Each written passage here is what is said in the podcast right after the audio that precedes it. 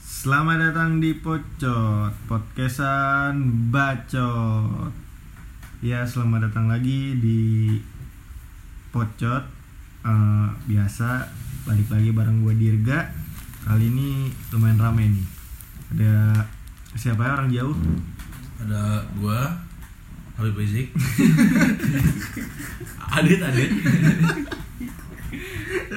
Ada ada yang selalu hadir ya selalu ada ya kan? Ada gue Agam. Ada dari ibu kota. Tamu Tamu tamu jauh. dari ibu kota. Kalau kata lo di episode sebelumnya dari kota kembang. Kota Kembang. Kota Kembang. Bandung ada siapa di sini? Habib Bahar bin Smith. Udah pada ngaco.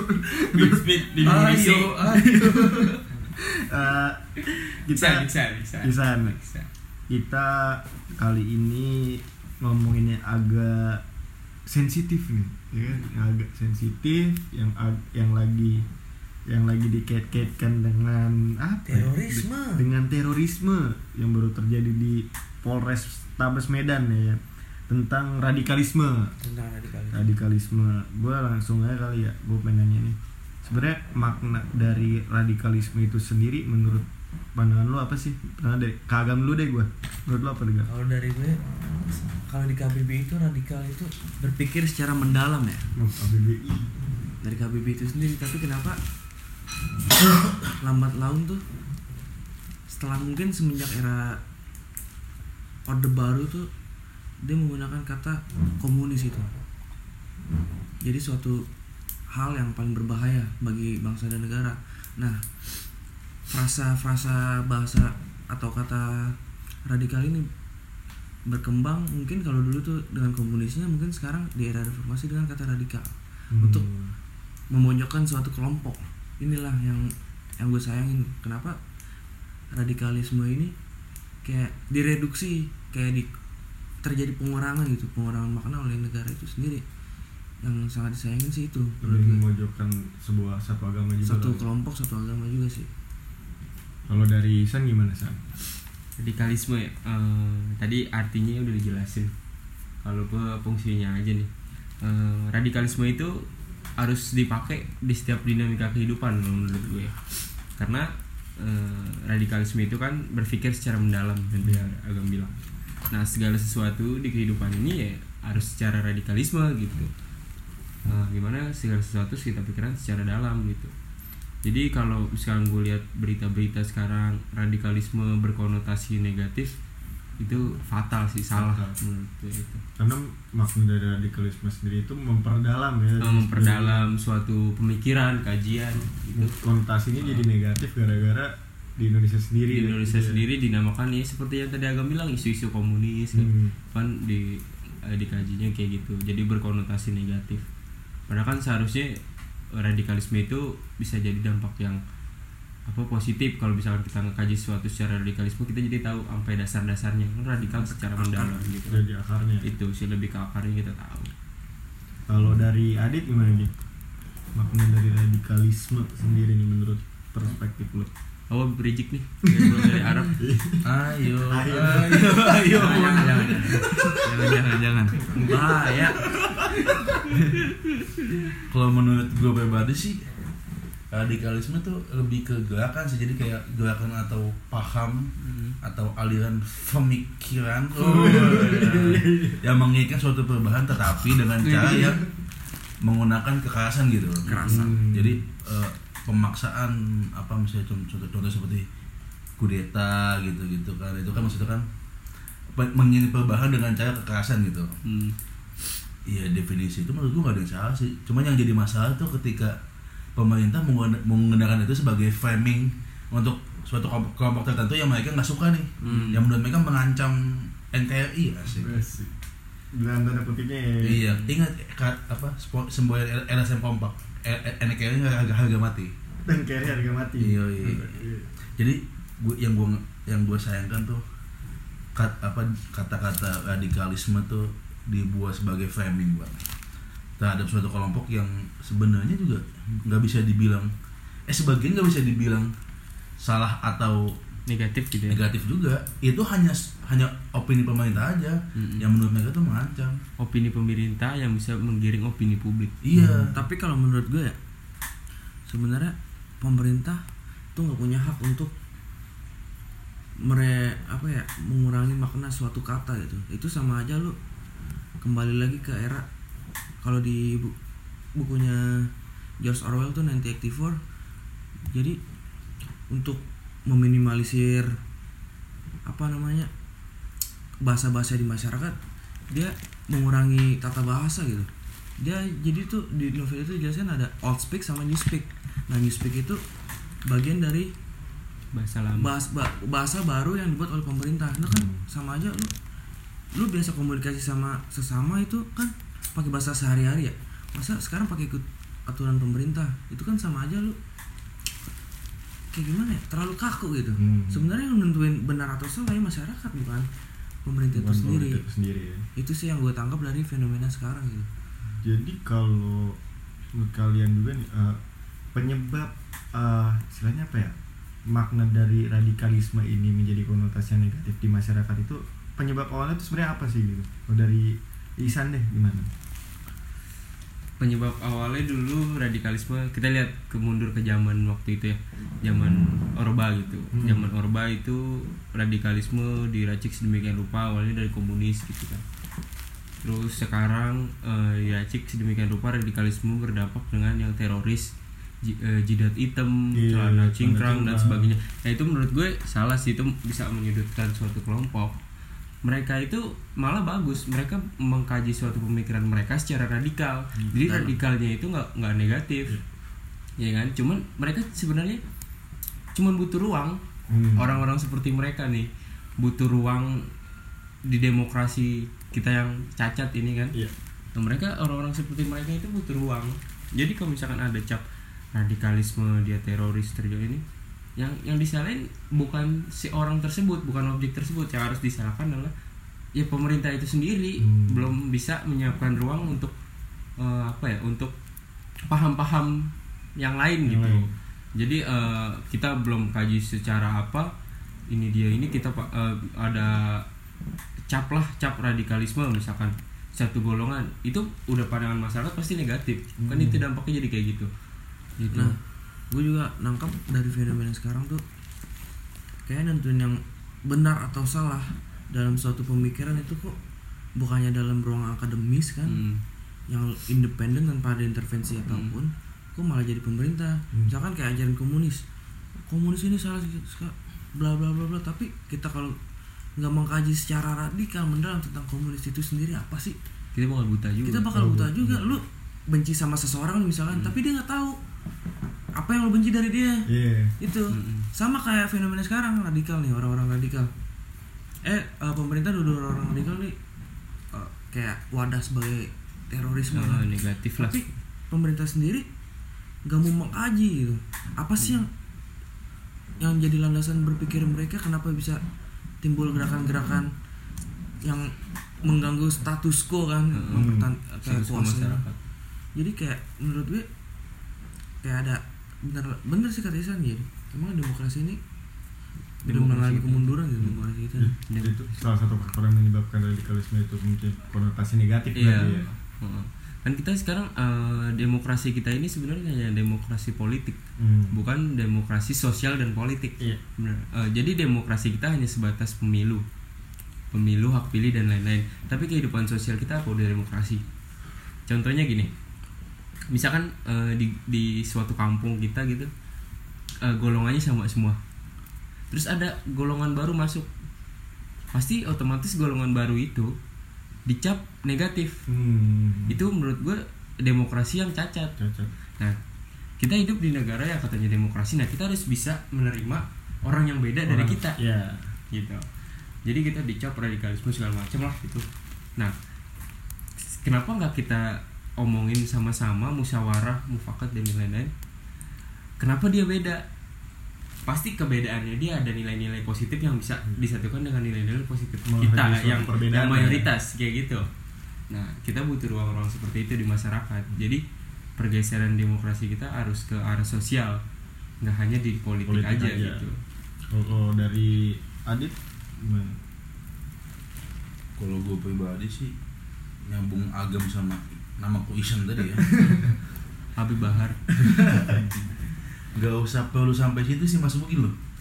Dengan apa ulah pemerintah sekarang tuh jadi seolah gini pak. Pemerintah tuh mengontrol informasi yang yang bisa kita akses. Jadi seolah-olah tuh me- pemerintah itu mengontrol rea- realitas kita gitu. Iya, itu. iya yang gua suka tuh gitu maksudnya pemerintah menganggap oh kita tuh nggak bisa menghandle informasi ini. Maka lebih baik kita kita apa pemerintah umpetin atau dialihkan ke yang lain atau di framing bahwa eh, sesuatu topik atau kaum dalam tanda kutip yang dibilang apa? Radikal. radikal itu karena beda arah dengan pemerintah itu tuh kayak apa ya dibuat image seolah-olah "I- ini tuh begini loh itu begitu loh kalau kamu meng- apa cari tahu tentang ini nanti kamu kena dampaknya nanti kamu terbawa ini pengaruh negatif padahal negatif atau positif kan masalah orang yang menerima Nah, itu. informasi Ah, kan? ah. yang Betul. yang maksudnya yang jadi poin penting gue tuh kenapa setiap ada suatu paham suatu ideologi atau ajaran tertentu kok yang nentuin salah Salah benar. salah benar itu pemerintah bukan misalkan kayak akademisi ilmuwan kan yang mereka yang lebih berkompeten gitu menentukan benar dan salah yang namanya pemerintah dia harusnya menyediakan wadah gitu.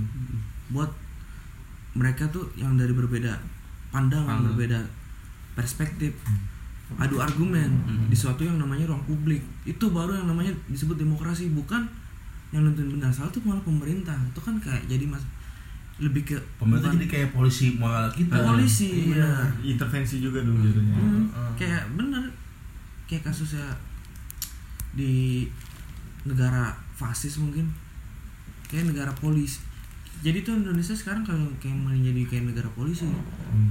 kayak contoh kasusnya tuh kayak di Papua misalkan ya kasusnya Veronica Koman Hmm. contohnya tuh Veronica Koman dia mengabarkan apa adanya kan tentang kasus kejadian di Papua Kondisi di Papua. Nah, kenapa pemerintah bukannya Mewadahi se- gitu ya? buka se- selebar-lebarnya buat jurnalis masuk ke Papua, kenapa mereka malah menutupi gitu.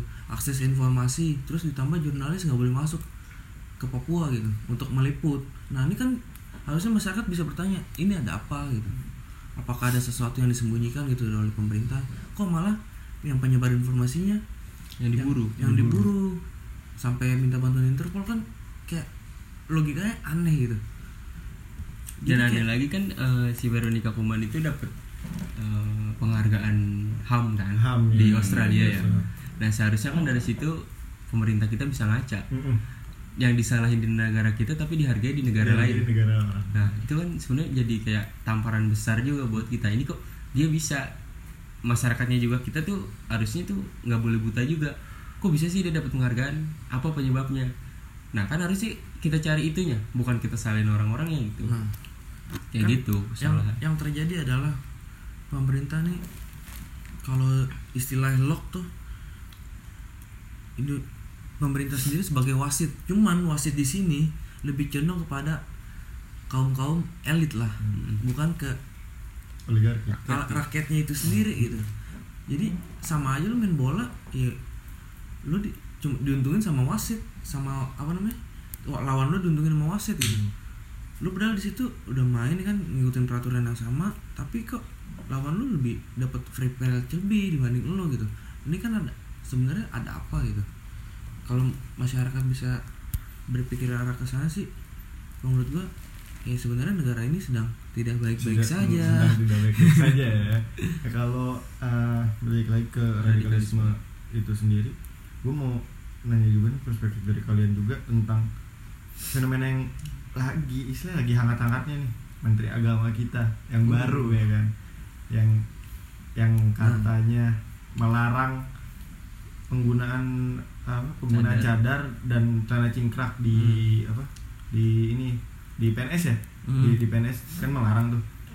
Berarti secara tidak langsung apakah itu mendiskreditkan suatu ya bisa kita bilang lah suatu apa ya suatu agama lah atau apa gitu dan dan gue mau nanya juga tentang gimana menurut kalian eh, apa eh, menteri agama ini ditaruh orang yang berlatar belakang mantan mantan Militer, mantan militer ya kan?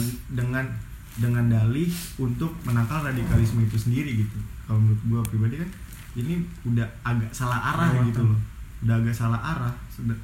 Uh, berarti secara tidak langsung tuh uh, keputusan ini men- apakah mendiskreditkan suatu yang Kelompok kita bisa bilang tertentu. kelompok tertentu lah dari adit dulu deh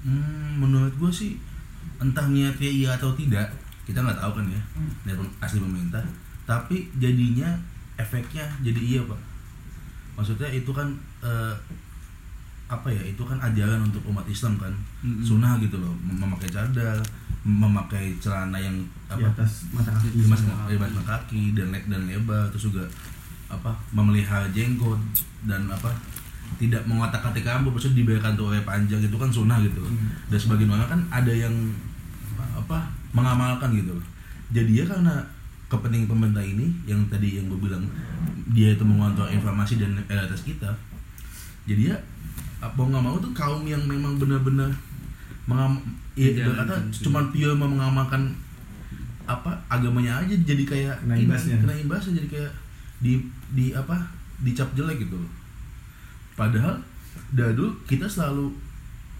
dekat dengan apa eh, namanya dengan bukan paham sih maksudnya dengan masalah bahwa umat Islam tuh kadang tuh di negara lain tuh suka di dis, di, di, diskreditkan gitu kan kayak contoh di Amerika gitu kan. Tapi kok kita malah menginikan umat Islam di negara kita sendiri gitu.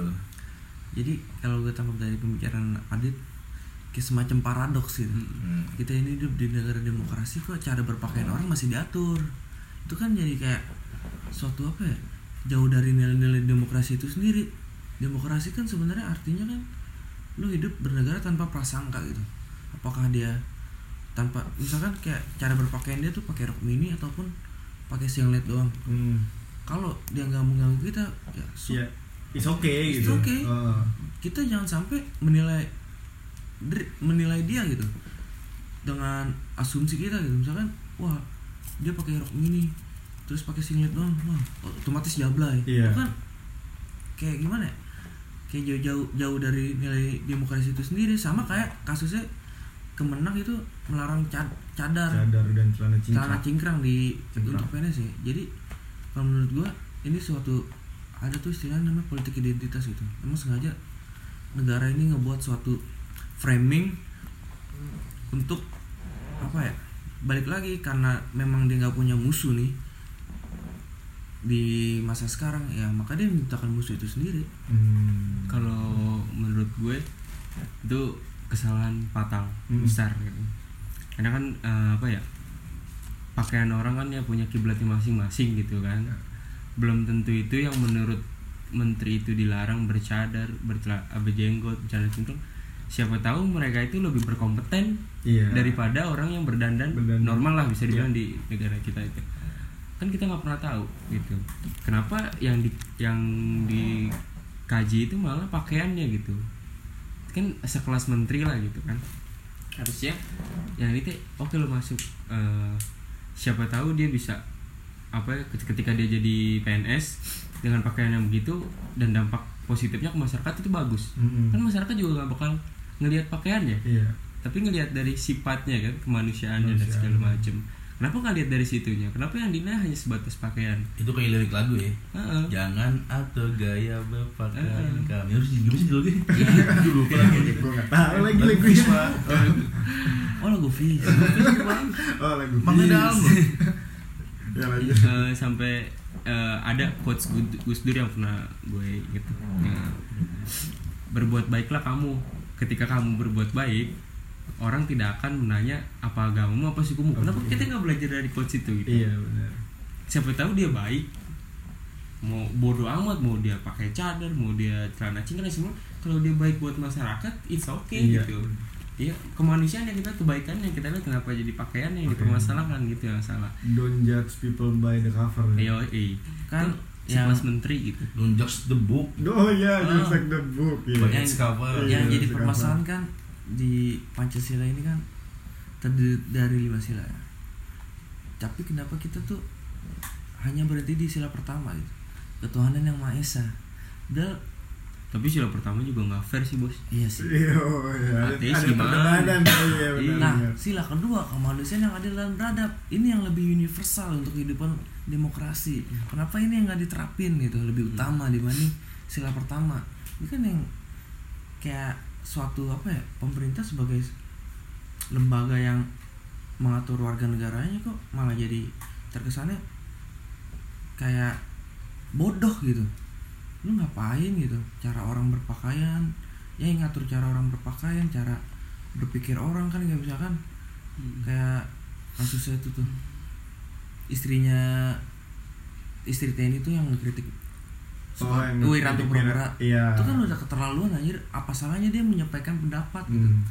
yang namanya demokrasi sih fair fair entah itu ada hinaan di dalamnya kan itu bagian dari intrik Demokrasi, demokrasi, demokrasi. negara nggak berhak menghakimi suatu kaum tertentu kok oh ini komunis ini radikal. radikal. Itu ya nggak berhak. Lu kalau mau ya udah sok adu, adu gagasan. Misalnya tentang sistem khilafah sama demokrasi kenapa kita nggak pertemukan itu dalam suatu forum? Hmm. Mana yang lebih relevan? Kan Iya. enak. Daripada mengecap suatu kelompok tertentu yang paling sesat. Itu kan menurut gue ya kayak kayak feodal sih. Feodal, Bukan demokrasi. Iya. kita juga mengagung-agungkan kan eh, lambang Garuda dengan bertuliskan Bhinneka Tunggal Ika. Di sekolah di mana pun nempel-nempel itu tapi kita nggak bisa memaknai gitu Iya. Bineka Tunggal Ika kan berbeda-beda tapi tetap satu, satu gitu kan nah yang celana cingkrang yang eh, pakai cadar kan berbeda dari kita. Hmm. tapi kan kita bisa menyatu. Ih, Ya, apa masalahnya kenapa gitu? enggak, gitu. Ah, kenapa enggak itu dari kata itu aja tuh nggak nggak bisa kita maknain bener-bener. Padahal kan setiap hari kita lihat di sekolah dulu kan Hmm. ada foto Garuda dan segala macam. Kenapa kita bisa maknain itu gitu? Bahkan kalau kita bisa maknain itu tuh luar biasa damainya gitu kan dengan mau yang celana cingkrang dan celana panjang sarungan dan segala macam ini kan masih berkonotasi sopan gitu kan Hmm, bener. ya nggak nggak masalah pokoknya sekelas menteri bisa ngeluarin argumen narasi kayak gitu gue nggak ngerti juga dia sekolahnya itu apa gitu iya Ini patut dipertanyakan ya. Ah, patut nah yang lebih dipertanyakan. ngaco lagi dari Kemenak itu dia mau mengatur kurikulum pendidikan agama. Oh, iya. kan anjir. Untuk memberantas radikalisme, Radikalisme katanya lagi. ya, alasannya. Mungkin udah gak sekolah gitu. enggak lo sampai segitunya gitu. Pen- eh, pendidikan sebagai sarana yang paling independen itu bisa diintervensi oleh negara gitu. Itu kan artinya ada sesuatu yang memang menurut gue janggal gitu. Loh ada apa? Yang namanya pendidikan tuh sifatnya netral gitu. Dia nggak nggak boleh diintervensi oleh pihak mana pun gitu jadi sarana ilmu pengetahuan itu berkembang dari pendidikan itu sendiri Hmm. Ya, sebenarnya negara nggak nggak berhak nggak berhak untuk menginter masuk untuk masuk ke ranah itu gitu Hmm.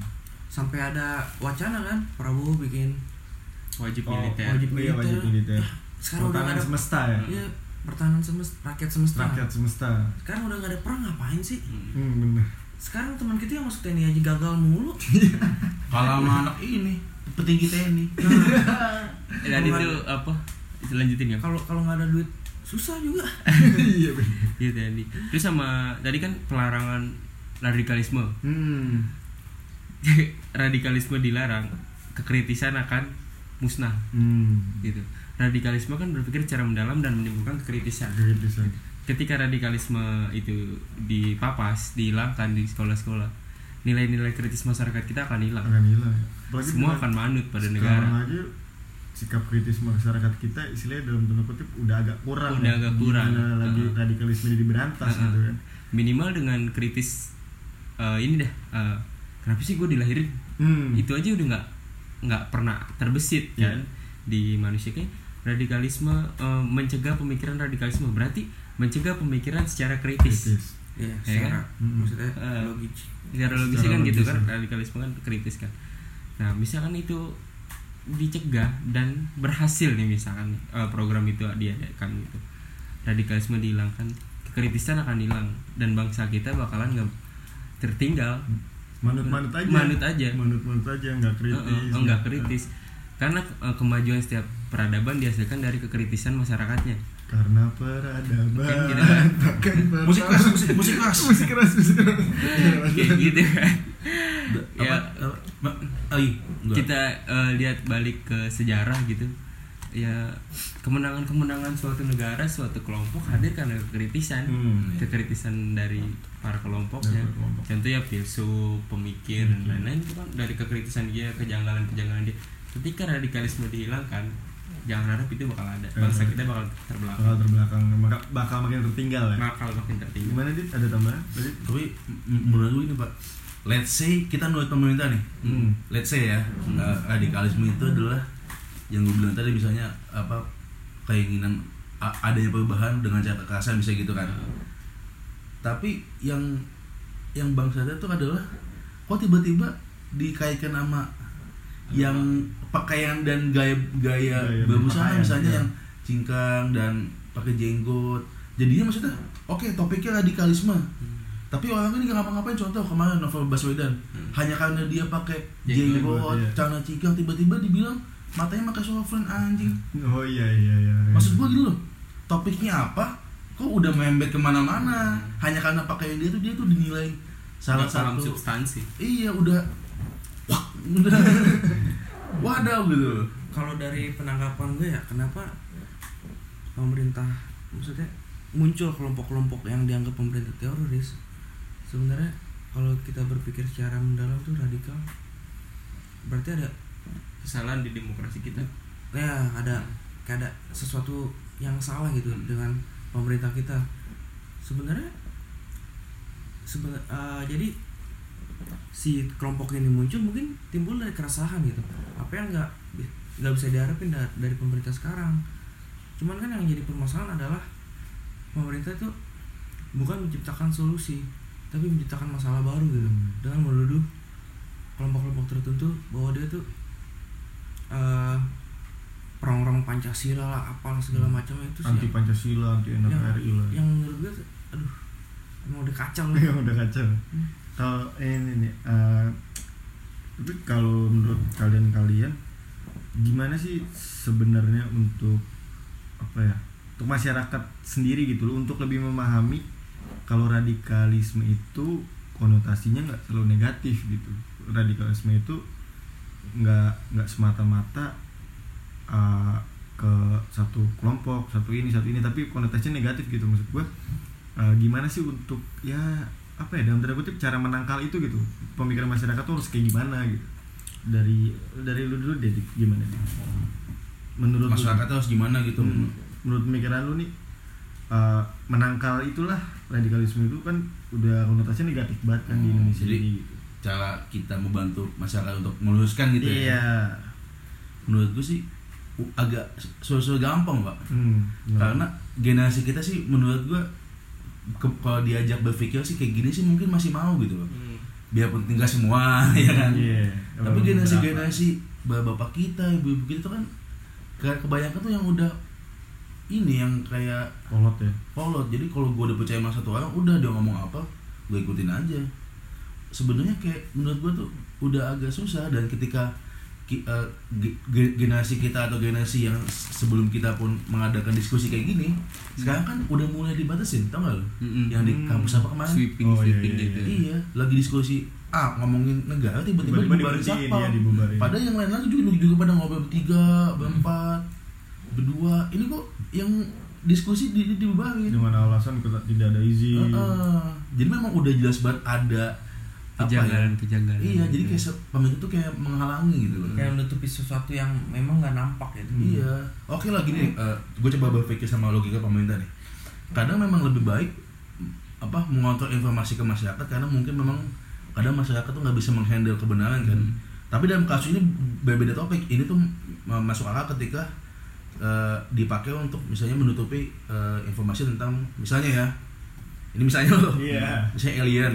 Oh, iya. Oke, mungkin sebagian kalau eh, mungkin pemerintah berpikir gini kalau kita sebarkan informasi ini mentah-mentah, Hmm. nanti uh, masyarakat tuh menerimanya ada yang enggak enggak apa enggak Masuk tenang gitu shock gitu kayak tiba-tiba jadi gila terus tiba-tiba jadi di Apa? melakukan hal aneh Iya. nggak jelas. tapi itu uh, hanya bisa dipakai untuk topik-topik yang tertentu tertentu eh, ini kan masalah apa radikalisme dan kaum kaum cingkrang dan busana berbusana pira maksud gitu jadi oke lah gue mengerti dengan lo, apa cara berpikir pemerintah tapi kok eh, menurut gue topiknya agak ini ya agak melenceng gitu. Bukan melenceng juga sih kayak salah arah. Salah pak. Kenapa di topik ini? Hmm. Iya kan, menurut gue sih gitu. Dan kita sih yang bisa kita lakuin untuk bantu masyarakat sadar tuh ya dengan begini buat diskusi-diskusi seperti ini meskipun ini ngetek ya. Iya, meskipun ini iya podcast. meskipun u- udah mau dihalang dihalang-halangi ya. Iya. tapi ya kita cuma bisa ngelawan doang sih. Nggak bisa ngapa-ngapain lagi. Lawan lawan lawan. Iya itu kayak apa begitu kok. Aku lupa itu lah pokoknya. Eh, agak enggak ya kalau dari gue sih sebenarnya balik lagi kita nggak bisa masyarakat mungkin kita dapat privilege lebih kita bisa bisa dapat tentang materi-materi yang lebih sensitif lah menurut masyarakat bawah. Karena kita punya privilege gitu. Kita buat mengakses infor- informasi itu. Karena memang masyarakat itu sendiri eh negara itu sendiri nggak mengizinkan itu. Sengaja mem- senga- negara tuh memeli- memelihara kebodohan. Karena memang dengan kebodohan mer- pemerintah bisa mempertahankan kekuasaannya gitu. Kayak misalkan begini masyarakat lapar terus lu kasih ajaran marxis dia mana mau dikasih makan Iya. nah dimakan Iya, baru nurut. bener-bener. nah karena memang negara nggak menyediakan itu Hmm.